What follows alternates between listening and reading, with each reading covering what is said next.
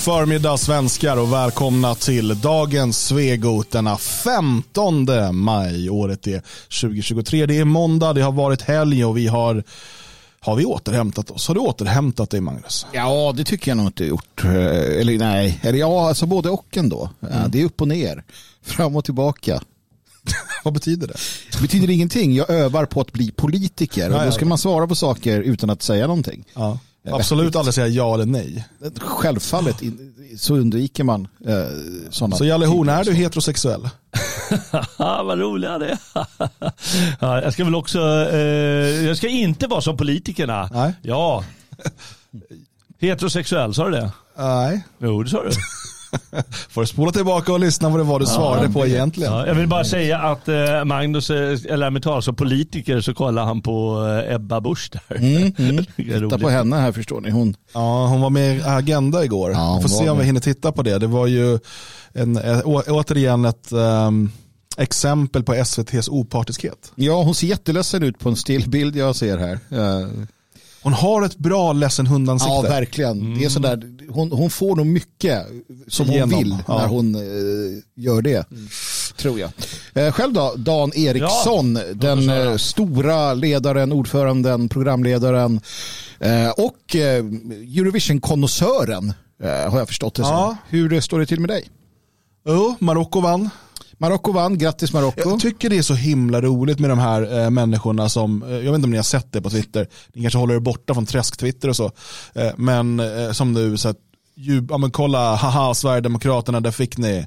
Invandringen är bra för vi har fått eh, Loreen. Annars hade inte Loreen ja, Sverige vunnit. Och så blir det så här, Okej, okay, men om Loreen då, eftersom att hon inte är svensk, för det vet de plötsligt. Mm. Plötsligt så vet de att hon inte är svensk. Det är viktigt också. För det kunde vara helt omöjligt, annars är alla svenskar. Men nu, de vet precis, men hon är, hon är marockan. Eh, och eh, om hon då, när hon gör någonting inom citationstecken bra, alltså hon vinner Eurovision, mm. eh, då är det en representation för liksom mångkulturen. Mm. Och då måste också varje gång en marockan gör något dåligt, också vara liksom representativ för mångkulturen. Men så skulle de ju aldrig acceptera att man liksom argumenterade. Nej, det skulle de ju inte. Såklart inte. Ja, men det är väl lite så det fungerar. För att annars blir det väldigt mycket Men tänker ena. de aldrig två steg? Nej, det jo, behöver det gör de. De ljuger. Ah, okej. Okay. Men att de bara är medvetet tänker så. Lögnaktigt. Ja, men all, all, Allt går bara ut på en sak och det är krossa dig. Jo, fast sen är det ju många alltså, som bara anammar narrativet och de tänker ju inte. Men, alltså, inte. Fotsoldaterna tänker ju sällan där. Mm. Ja, men eh, nej, annars så jag, jag såg bara lite bilder från den där, det där spektaklet. Um, först trodde jag att det var en pridefest anordnad av Svenska kyrkan. Men, mm. men det insåg jag snart att det var det tydligen inte. Jo. Man vet aldrig i dessa tider. Men sen så bara tänkte jag på bröderna Herrey och Diggiloo Diggiley och bara vad fan. Sen så brydde jag mig inte längre, jag orkade inte mer. Det var, liksom min, det var min tid, det har passerat, det har gått över mitt huvud det här. Så att jag bara lämnar det därhän känner jag. Det är bäst så. Jag har också lämnat det därhän. Jag hade Älvgårdsdagen ja. att tänka på istället. Jag tyckte ja. det var så farligt att bry sig om det där eh, på typ 80-talet. Eh, Lite grann. När man var barn då, då, då, då tvingade tjejen att bry sig om det. Så då var det okej. Okay. Det var mm. Herreys och, och Carola och, och sådär. Och sen glömde man snabbt bort det. Mm.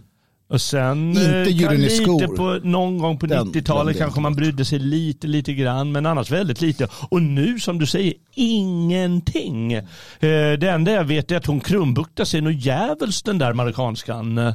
Gör hon, ja, hon har en speciell eh, dansstil. Är det typ magdans? Ja, eller så här, orientalisk? Hon har, sin, hon har ju blivit, ni kommer ihåg den här intervjun med henne när hon sa var en, du kan vara vad du vill ja, baby. Om du är en hon, jag vet inte, hon hittade på där att om du är en katt så är du en ja. katt, om du är en du vet. Hon vill vara en orm. Ja, men det var så jävla men hon är för att bli någon typ av inte, jag vet inte om det ska vara djup eller någonting, men hon säger jag är ett meditativt jo. tillstånd. Ja, det. det noterade jag, för ja. att det hade till och med i den mest, eh, så här, eh, heter det, så här, eh, icke-materialistiska tidningen av alla, Aftonbladet smugit sig in en, en, artikel där någon hänvisar till hennes magiska och djupa och metafysiska mm. och esoteriska framträdande.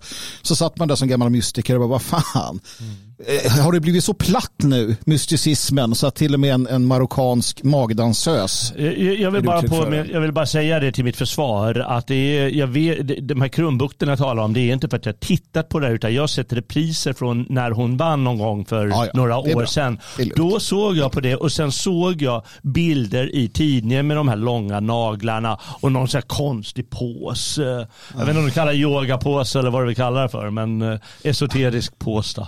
Jag brukar kolla på Eurovision uh, och försöka att inte liksom irritera mig på det. Utan bara, men problemet är ju att det sällan ens är bra musik. Men det är ett spektakel, det är liksom en mm. uh, sådär. Uh, och det är varje gång jag gjort det så, så skäms jag. Mm. Alltså, inte för att jag liksom tycker att man inte ska kolla på Eurovision, utan för att jag la så många timmar. Mm. Det här var inte bra. Mm. Du vet, det, det, är som att man liksom, ibland om man tittar på en tv-serie, så blir den dålig. Och så mm. fortsätter man titta för att man har börjat titta på den. Och mm. varje gång man tittar bara, det här är inte bra, varför tittar jag på det här? Och så kommer ett nytt avsnitt. Jag kollar på det. och det där är ett eh, skadligt, sjukligt beteende vi måste göra oss av med. Så är det. Eh, något som vi inte behöver göra oss av med det är Älgaråsdagen som gick av stapeln. Älgaråsdagen, mina vänner, det är ju då eh, ett samarbetsprojekt mellan eh, Det fria Sverige, Svenskarnas hus och eh, i allt väsentligt Töreboda kommun. Eh, där vi tillsammans och i samråd, djupt förgrenade, djupt tillsammans då, eh, anordnar festiviteter här i eh, Elgarås. Och eh, ja, som sagt, det avlöpte nu i helgen och vi hade en, det var många som kom och besökte Svenskarnas hus. Var det inte massiva protester här från alla de här livrädda Elgaråsborna som Malin Bring tror finns? Nej, Inga protester. Det ryktas dock om att Malin Bring gick runt och terroriserade besökare med mm. frågor om, om oss. Ja, jag har hört det ryktesvägen också. Det är väldigt tråkigt om man ska dra ner feststämningen. Besökare som sen kommer till oss och liksom frågar vad är de där Mariestadstidningen för ja, galningar? Varför, varför kan de inte låta oss vara i fred? Ja, varför håller de på? Vissa som blev väldigt intresserade av oss efter att Malin Bring hade då eh, närmat sig också. Eh, vi var med i frågestunden, det var en, eller frågestund, det var en sån här frågetävling som gick mellan Tipspromenad alla. Heter Tipspromenad heter det. Att det, en av frågorna i kommunens tipspromenad var alltså inne i Svenskarnas hus. Precis, och det tyckte vi var trevligt. Så att de var välkomna. Vi säger sådana saker nu för att Expo och Mariestadstidningen ska stå och koka och skriva arga artiklar. Tråkiga för kommunen var att de huserade uppe i ett, en byggnad som är lite avsides. Så, Ingen kom. Nej, kommunen hade inte berättat för någon att de tänkte vara där, så de satt mest och, ja, sådär. Kommunade sig. Svenskarnas hus. Festen som, var ju här. Ja, precis. Och Svenskarnas hus är en röd, vacker byggnad med, med, som, som sticker ut verkligen här i området. Så att våra kära, kära vänner i de olika företagen runt omkring här i Stragsbyn hade ju också deltagande med korvgrillning och allt möjligt. Och vi lös upp allting kände jag. Det var en massivt, ett massivt eh, anslutning till Svenskarnas hus. Några nya medlemmar och sådär. Så härlig dag helt enkelt. Så var det. Eh, under helgen så har det också publicerats nytt innehåll på sveating.se, då eh, såväl en podcast mm. om Karl XIIs likfärd och eh, Armfälts dödsmarsch. Ja. Och även då det fjärde kapitlet i ljudboken av Fästning Europa, skriven och inläst mm. av Magnus Söderman. Finns att lyssna på på sveting.se och nu under veckan så fortsätter det ju publiceras då i textform va, här eh, under dagarna som kommer. Självklart, ja. Aldrig sinande Mm. ja, Aldrig sinande kort sagt. Ja. Uh, in på sveting.se, skriv upp det där på en eh, gratis eller betald prenumeration beroende på vad du vill ha. Uh, mm. Och eh, så får du tillgång till, eh, till det du behöver och, och, kan få det direkt i din inkorg om du så önskar så att du inte missar någonting viktigt eller intressant därifrån. Nu tänkte jag att vi ska gå in och prata dagens tema. Eh, det här programmet heter Ny front i kulturkriget och det heter det allra mest för att vi redan hade ett program som hette Kulturkriget. som, Precis, vi, det som vi gjorde för ett halvår sedan. Ja. Så att det här får bli en ny front i kulturkriget. Och det är ju faktiskt så att det har hänt en hel del på det halvåret mm. som gör att det inte är ett, ett helt felaktigt avsnittsnamn heller. Um, Sverigedemokraterna har till viss del gaskat upp sig. Absolut. Um, framförallt då när det gäller det här med kulturkriget. Mm. Ehm, Socialdemokraterna har åkt, och det ska vi kolla på sen, åkt på utbildningsresa eh, till Joe Bidens USA mm. och Demokratiska parti och lärt sig hur man eh, slår sönder ett land mm. Eh, och, och ser till att man aldrig mer kan få sammanhållning mellan människor. Yep. Och det vill man nu implementera här i Sverige. Vi har de här försöken då att jämna ut spelplanen genom att förbjuda att, att sälja lotterier på kredit till skuldtyngda pensionärer vilket sossarna menar är ett hot mot demokratin. Och nu tittar man även på hur man ska kunna se till att ta bort um, fördelar som sossarna gett sig själva när det gäller till exempel ABF. Uh, och det där kommer vi prata lite grann om. Um, så ska vi se lite hur Aftonbladets ledarsida ser på detta. Mm. Uh, för att egentligen finns det ingen polarisering. Nej. Nej. Det är bara den här jävla högen som ja, håller på. Ja, självklart. självklart. Men jag tänker att vi ska börja i, eh, ehm, i, i, liksom i, i SD-spåret och göra det med Jimmy Åkessons debattartikel i, i Expressen eh, som publicerades här i lördags. Och det som jag tycker är så bra med det som händer nu det är ju att eh, vi ser det och ser det från Jomshof på Twitter. Eh, Björn Söder är lite loose cannon när det gäller lite vad som helst. Men vi ser fler av de här SD-företrädarna som de går på offensiven nu och det har ju vi eftersökt i många år. Att liksom inte alltså, våga gå på offensiven. Och jag tror en vänsteranalys av det skulle säkert vara att ja, men det är för att nu har de fått liksom luft under vingarna, nu får man del av regeringssamarbetet. Jag tyckte inte man såg det här de första månaderna. Jag tror Nej. att det här är eh, att man känner att man måste nu stå ut ifrån det övriga borgerliga blocket. Mm. För att eh, man har tappat i opinionsundersökningarna sedan valet. Och det tror jag beror mycket på att för många blir det, okej okay, men vad är skillnaden på Moderaterna och Sverigedemokraterna idag? Framförallt när det gäller invandringsfrågan och så vidare. Mm. Och då behöver SD bli tydligare och det är det jag tycker man blir. Mm. Absolut, och sen är det ju viktigt och det här gläder mig för att man, man kan, vi kan prata om invandringen och massinvandringen och problematiken där och det gör vi. Men, men det som är bakomliggande detta, det är ju det som egentligen är det väsentliga, det vill säga varför händer det? Vad är det för mekanismer i samhället som gör att det kan fortsätta? Varför förändras det inte och så vidare? Och det där är ju kulturkriget. Eh, och det är där svaren finns och det är där liksom, eh, lejonparten av, av motståndet måste sättas in. Så att någonstans i realpolitiken är ju alltid beroende av vad som händer i, alltså hur folket mår, hur man tänker, de kollektiva rörelserna och så vidare. Och det är ju bara ett kulturkrig som kan komma åt det att komma till rätta med det. Så att här gör Sverigedemokraterna helt rätt och sticker därmed ut också. Ja det gör de. Eh, och eh, en del av, jag vet inte om det är bra eller dåligt eller både och i deras eh, delaktighet i det här kulturkriget, det är att de, de tjatar ju samma ord om och om igen. Alltså splittring i samhället, givetvis invandring, Ja, det, det, är ju mest det och hur det har eskalerat eh, givetvis och kommer fortsätta eskalera eh, under då de som är dåliga. Det, det som är nytt som, eh, det är ju bra och det är att de till exempel kallar det redan i rubriken ett politiskt övergrepp. Eh, att de faktiskt pekar ut skurkarna här. Mm. Det är alltså politiker som har misskött det här i sin, som man kallar dröm om det mångkulturella samhället. Och det är bra. Det kan bli lite så här för mycket av det här eviga, hans eviga tal om splittring när han liksom inte alltid inte lyckas sätta ord på exakt vad det innebär. Han säger att samhället har varit sammansvetsat tidigare och nu har det på något sätt splittrats men det brukar bli lite löst. Mm. Å andra sidan så har ju sossarna köpt den retoriken rakt av för de tjatar jättemycket om splittring nu för tiden. Så, så på något sätt eh, har det gått hem mm. det här. Men det brukar bli lite, när, det brukar bli lite träigt när man upprepar samma sak om och igen. Ibland behöver man lite nya ord bara för att sätta, eh, få en nyans av det för att det ska kännas lite fräscht. Mm. Ja, Um, helt klart. Jag, jag, tänker bara på en sak här, Magnus. Den här, uh, det finns en, en formulering här. Mm. Att uh, poli, politikernas dröm har blivit folkets mardröm. Mm.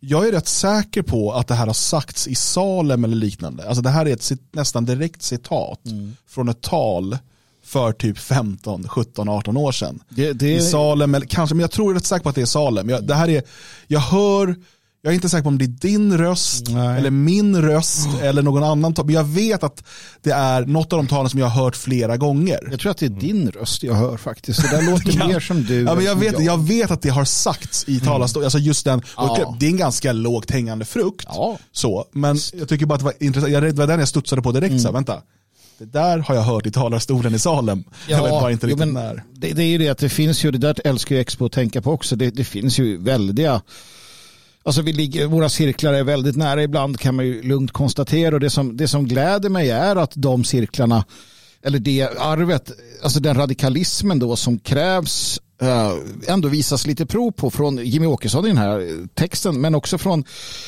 Uh, han Sverigedemokraten som verkligen har tagit point, han blivit point man i det här som nu börjar säga att vi ska ge oss på ABF och vi, vi har gjort det här och han heter då Tobias va? Tobias Andersson. Mm. Tobias Andersson. Han har ju verkligen tagit, mm. tagit kommando till den, ung, uh, ung man. Um, och det gläder mig för att det vi ser nu ändå, och jag vet inte om det kommer fortsätta, men det finns i alla fall en, en möjlighet att det här fortsätter till att bli en radikal, uh, stridbar konservatism, om man nu ska kalla det för det. Och det är ju någonting som jag ändå har och vi ändå har pratat om att problemet med konservativa är att de är så in i helvete tillbakabildade eller efterblivna. Va? Ja. Men om man nu tar kommandot som man faktiskt mm. gör med detta eh, och här tycker jag att man gör rätt från SDs håll. Skit i, skit i realpolitiken utan lös de här problemen. Ta bort finansieringen till, till sossarna etc. etc. och liksom bygga upp det kulturkriget. Sen kan vi komma åt det andra. Mm. Ja. ja, förlåt. Kör det, men det, är också, det är också bra att man har att man har ändå samma budskap även om man återupprepar orden ganska mycket. Fast varje, varierar väldigt bra på det här sättet med den här typiska retoriken från dröm till mardröm. Det är väldigt bra. Eh, men eh, de kan SD säger ju bara vad de alltid har gjort, mer eller mindre. Ändå pratas det om en polarisering i politiken och den pratas ofta om att det är högern som har, inklusive SD, som har radikaliserats mer och polariserat samhället mer. Mm. Eh, men när, de, när man kan säga, men, vi har ju alltid sagt det här, det här är ju den grund vi står på och vi har visat år efter år efter år hur det här har urartat mer och mer. Alltså är det politikerna som man eh, eh utpekar här arvet efter Reinfeldt, Löfven och Magdalena Andersson är det politiska haveriet. Eh, mm. Man kan givetvis gå längre tillbaka men det är framförallt då de senaste 20-30 åren som, som det har eskalerat de här problemen. Och det är bra när man står på en grund på det sättet. Jag tänkte kunde ta, bara citera ett par ställen där det är bra, bland annat det här med mardröm. Utvecklingen har inte skett av en slump utan resultatet av decennier långt enträget politiskt övergrepp på det svenska samhället och svenska folket. Och det är bra att han säger både och där. Mm. Och säger att det är svenska folket också. Politikernas dröm om ett mångkulturellt samhälle har prioriterats framför allt annat och har idag blivit till folkets mardröm. Och det stämmer. Nu tycker jag i och för sig att skatter och stat det är ju det som prioriteras framför allt av politikerna mer än invandring och invandring är då en del av det att få till mer stat och skatter. Mm. Mm. Men sen ett annat ställe som visar på det här som de faktiskt står på visar fram en bra retorik. För Magdalena Andersson och hennes vänner i vänsterblocket må det handla om musikalisk mångfald och exotiska maträtter. Eh, för mig är det dock tydligt att mångkulturen leder till försämrad välfärd, splittring, konflikter och kriminalitet. Det vill säga det de alltid har sagt, Sverigedemokraterna, men förtydligar nu med en klar udd mot eh, den politiska eh, fienden. Jag, jag, undrar dock om Jimmy har glömt bort sin egen historia ibland. Mm. För han säger så här, den som för bara 20 år sedan hade sagt att Sverige idag skulle vara präglat av gängkriminalitet, sprängningar och skjutningar hade förmodligen sett som spritt språngande galen. Mm. Jag tycker det var en retorik från Sverigedemokraterna för 20 år sedan. Ja, det här är vad som kommer ske. Och det var ju för att de var fränare då. Ja, eh, och det var väl så Jimmy, alltså det var ju så här, om vi inte stoppar det här, om mm. vi inte, då kommer vi få se. Sen kan man ju inte veta exakt hur det blir, men man mm. vet ju liksom att det blir de här, um, de här motsättningarna uh, och det är en grogrund i sig för kriminalitet, gängbildning, vi har klanmentaliteten som kommer in och så vidare. Så att uh, det, det är men jag tror att han, det han skriver ju till viss del populistiskt här också. Ja, ja. För att medan vi har ägnat eh, en hel del tid åt att attackera svenskarna för att de är liksom, hur fan kunde ni inte se det här? Mm. så vill ju inte han göra det. Det är ju hans väljare. Nej, Utan han vill ju ge dem rätt i att ah, det är klart att ni inte kunde se det här för 20 mm. år sedan. Mm. Eh, trots att man säger, men vänta Jimmy var inte du engagerad? så här, ah, ja, okay. eh, nej det är klart att ni inte kunde. Och sen säger han det här, arvet efter Fredrik Reinfeldt, Stefan Löfven och Magdalena Andersson är ett närmast fullständigt eh, politiskt haveri. Det är också mm. smart, rent populistiskt, mm. att inte gå tillbaka till Göran Persson, att inte gå tillbaka till Palme. Han, ska han göra det intellektuellt hederligt så måste han göra det, absolut. Precis. Men det, eftersom att nästan alla hans väljare har ju röstat på mm. sossarna eller moderaterna tidigare. Eh, kanske, många av dem gjorde nog det, alltså moderaterna sista gången 2006 eller 2010 mm. med Reinfeldt. Um, och där känner de, ja men där var det en brytning. Innan det var Moderaterna bra. Mm. Och jag tror att många sossar får för sig att sossarna var bra innan Löfven. Ja, ja visst. Jo, men och det är ju det där och han är, han är politiker och, och ja, hans mål är att vinna val och sådär. Det, det, är klart. Det är därför som, eh, det är därför som ett parti alltid når vägs ände någonstans. Så även partimedier gör det om, om det finns som och så vidare. Utan, utan det som krävs är ju ett, ett komplement av medier eller då eh, ja, men påtryckare eller lobbyister eller vad som helst som, som kan strunta i sånt som väljarstöd och liknande. Till exempel då eh, Radio Svegot och eh, därtill eh, Det fria Sverige som intresseförening. Vi bryr oss inte om väljarnas liksom, nyckfullhet eller mm. liknande utan vi bryr oss om att sätta saker i en kontext och kunna prata om det. På Vi ser ju eh, också, ska man säga då, ett ansvar eh, gentemot alltså en historieskrivning. En, en, eh, alltså att kunna lämna över en berättelse till kommande generationer. Absolut. Vad var det som hände? Mm. Och det, det, har man inte riktigt tid för om man håller på med det politiska spelet. Nej. Om man ska vinna val. Eh, tyvärr, det, men det är så det är. Och, och, vi har sagt det så många gånger. Om ni ska hålla på med Eh, partipolitik och ställa upp i val, då måste ni spela det spelet. Mm. Ni behöver inte ljuga, det är inte det, eller liksom vara hycklare. Men man måste fundera på hur får jag röster? Mm. Och, och, då måste man anpassa budskapet utan att ljuga eller så, men liksom att anpassa budskapet så att det är lätt för väljare att ta, att ta till sig. Mm. Och det är därför jag inte vill hålla på med partipolitik, Nej. det är därför jag inte vill hålla på med val. Och, och de nationalister som tror att de kan eh, gå in, eh, och, och, som vi har sett då, starta partier och, och liksom eh, bara, vi ska bara säga som det är. Så bara, ja, fast det är inte det. Demokrati handlar inte om att säga som det är. Demokrati handlar om att sälja in att de ska lita på dig. Mm. Mm. Men eh, Alltså det, det, är klart att det är lite mellanmjölk över eh, Sverigedemokraterna och, och Jimmy Åkesson. Men, men ändå, jag menar, lyssna på följande ganska, ganska hårda ord. Utan en tanke på konsekvenserna har de styrande politikerna tryckt in människor från jordens alla hörn i de svenska förorterna som idag präglas av segregation, utanförskap, arbetslöshet, kriminalitet som allt samt allt det som det för med sig. Det är liksom utan en tanke så har de styrande politiker, och vi har hört namnen på dem här, de har bara gjort som de känner för och skitit i människor. Men det är också det som, som det är här Jimmy Åkesson i egenskap av Sverigedemokraternas partiledare och deltagare i debatten och så vidare gör en, en enorm nytta för, för oss eller för kulturkriget. Till exempel i partiledardebatterna då han står inför hela svenska folket och, och de facto eh, står upp för sig själv och för svensken i det att han, han faktiskt misstänkliggör eller beskyller både vänstern framförallt vänstern naturligtvis, men också det e, den, den egna så att säga, sidan. Han, han är inte, han säger att alla partier har, eh, utom vi. Och det har han ju rätt i. Så att han hade kunnat krypa för Tidöpartierna, men det gör han faktiskt inte. Och det tycker jag också, för att det som kablas ut till människor som tittar, det är att ja, men det, det är ju att, att det finns den här, liksom, att, han, att han slår på det sättet, det tror jag är väldigt viktigt. Hade han inte gjort det hade jag blivit väldigt besviken. Men det, det, som är bra här och det är det vi har sett då, som sagt från Jomshof på Twitter och andra då. Det är just att man nu går på attack mot just den mångkulturella idén. Återigen, det är egentligen inte nytt från Sverigedemokraterna men jag menar att det har fått sitta i baksätet under väldigt lång tid. Mm. Eh, och att man nu faktiskt gör det för att det är det som behövs göras upp med alltså en av de stora sakerna som måste göras upp med det är idén om mång, det mångkulturella samhället. Mm.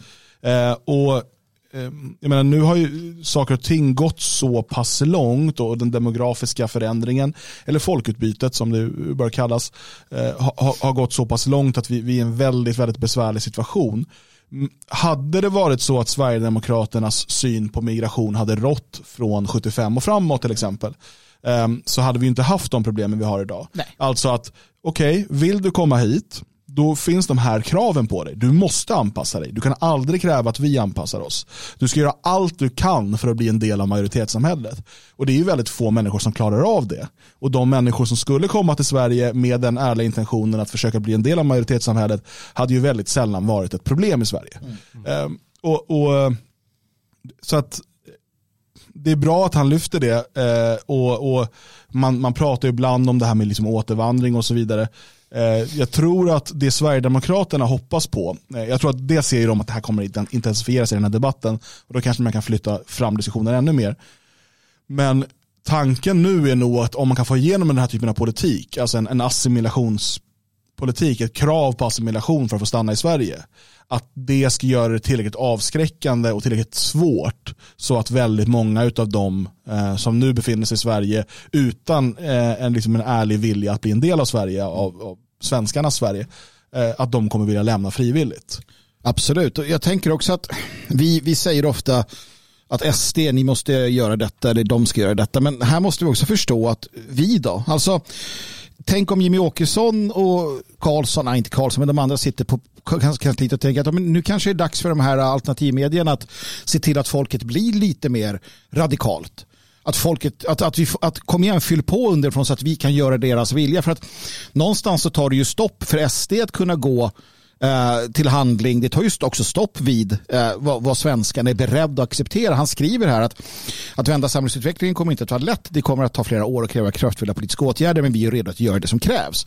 Och vi har pratat om det här med återvandring. Vad är det som skulle krävas för en återvandring? Det är ju, det är ju, alltså, det är ju inskränkningar i folkrätten och det är ju alltså, det är sådana saker. Så att, och jag menar, vems är uppgiften att se till så att svenskarna ser till att ställa sig bakom en sån politik? Jo, det är vår uppgift. Mm. Till väldigt stor del. Vår och du som lyssnar och alla andra eh, alternativmedier och, och utomparlamentariska organisationer. Det är vi som ska förmå svenskarna att då kräva det av Sverigedemokraterna. Då är nog Jimmy Åkesson beredd att Precis, genomföra där, det. Man kan diskutera där i evigheter vad som kommer först och så, men, men om man eh, i stora delar menar jag ändå att politiken är nedströms från kulturen. Mm. Och det gör att det vi gör, är, alltså det handlar om en, en ja, vi pratar kulturkamp eller kulturkrig här, eh, och, och, och, som alternativmedier gör. Och det, det som du säger, att det är först när en tillräckligt stor del av svenskarna är beredda att stödja en sån politik som en sån politik kan genomföras. Och det, inte bara genom att de röstar på det, utan att de också inte motsätter sig det, utan att det liksom finns ett folkligt stöd för det.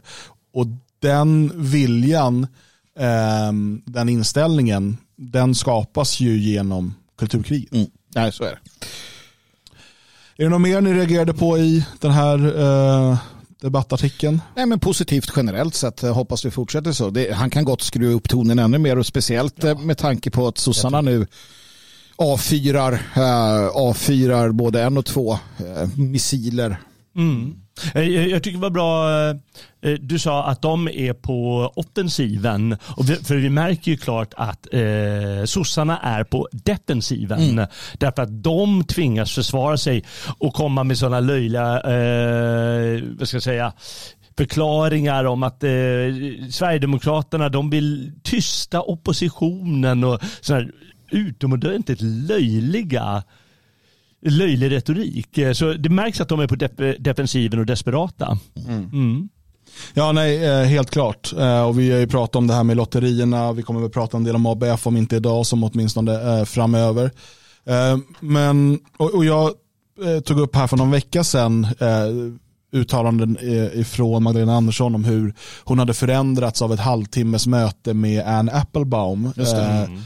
Och det verkar inte vara det enda som har förändrat henne. Nej, hon tog ju med sig Bodin där och åkte över till eh, Washington mm. i april i år. Mm. och fick gå en, en crash course i hur man då bemöter trumpismen som hon säger själv. Mm. Uh, träffade strateger och, och, liknande för Demokratiska partiet, journalister på vänstertidningar etc. etc. Med det uttalade målet att då lära sig av eh, Demokratiska partiet i USA att, att konfrontera och eh, bedriva politik. Samtidigt som hon gör det så skyller hon då på att hon gör det för att det är de andra, den andra sidan som har dragit, som har liksom smutsat ner spelet så nu måste hon lära sig eh, utav, utav de här då. Så att hon har varit på, på kurs och det har ju synts i den svenska debatten. Jag har aldrig, aldrig varit med om maken hur hon har helt förändrats efter detta. Alltså den politiska debatten före och efter det här är ju så jättetydlig. Och jag vill eh, bara på, påpeka att det här är en DN-artikel som vi har sett att det är eh, en medlöparartikel, om jag får kalla det för det. Alltså det är en sån otroligt töntig, eh, sån här, titta vad coolt hon är i Washington mm. och vandrar runt och träffar de här och visar bil, tusen bilder på henne och omgivningen och allt vad det är. Nej, otrolig, eh, vad ska vi kalla det? Men, men, och då ska man ju veta att eh, USA är ju mer splittrat Ja, det är väl inbördeskriget då. Som, ja, precis. Eh, men, men sedan dess, alltså under 1900-talet och, och, alltså sen, sen 1900-talet och fram tills nu, mer splittrat än, än, än liksom på, på mycket länge. Och vi, vi eh, för jag tycker att det, det framförallt blev supertydligt i samband med valet 2016. Eh, och det är klart att, att Trump har sin retorik eh, som, eh, som, som, man kan säga är polariserande. Men jag säger att det finns ett uttalande där jag, där jag menar att allt blev supertydligt. Där var första halvtimmen slut. Men var inte ledsen för det. Det finns en hel halvtimme till för dig som är stödprenumerant. Vad är det du säger? Är du inte stödprenumerant än? Nåväl, du kan lösa det snabbt och enkelt inne på svegot.se. Ha en fin måndag, så hörs vi imorgon igen.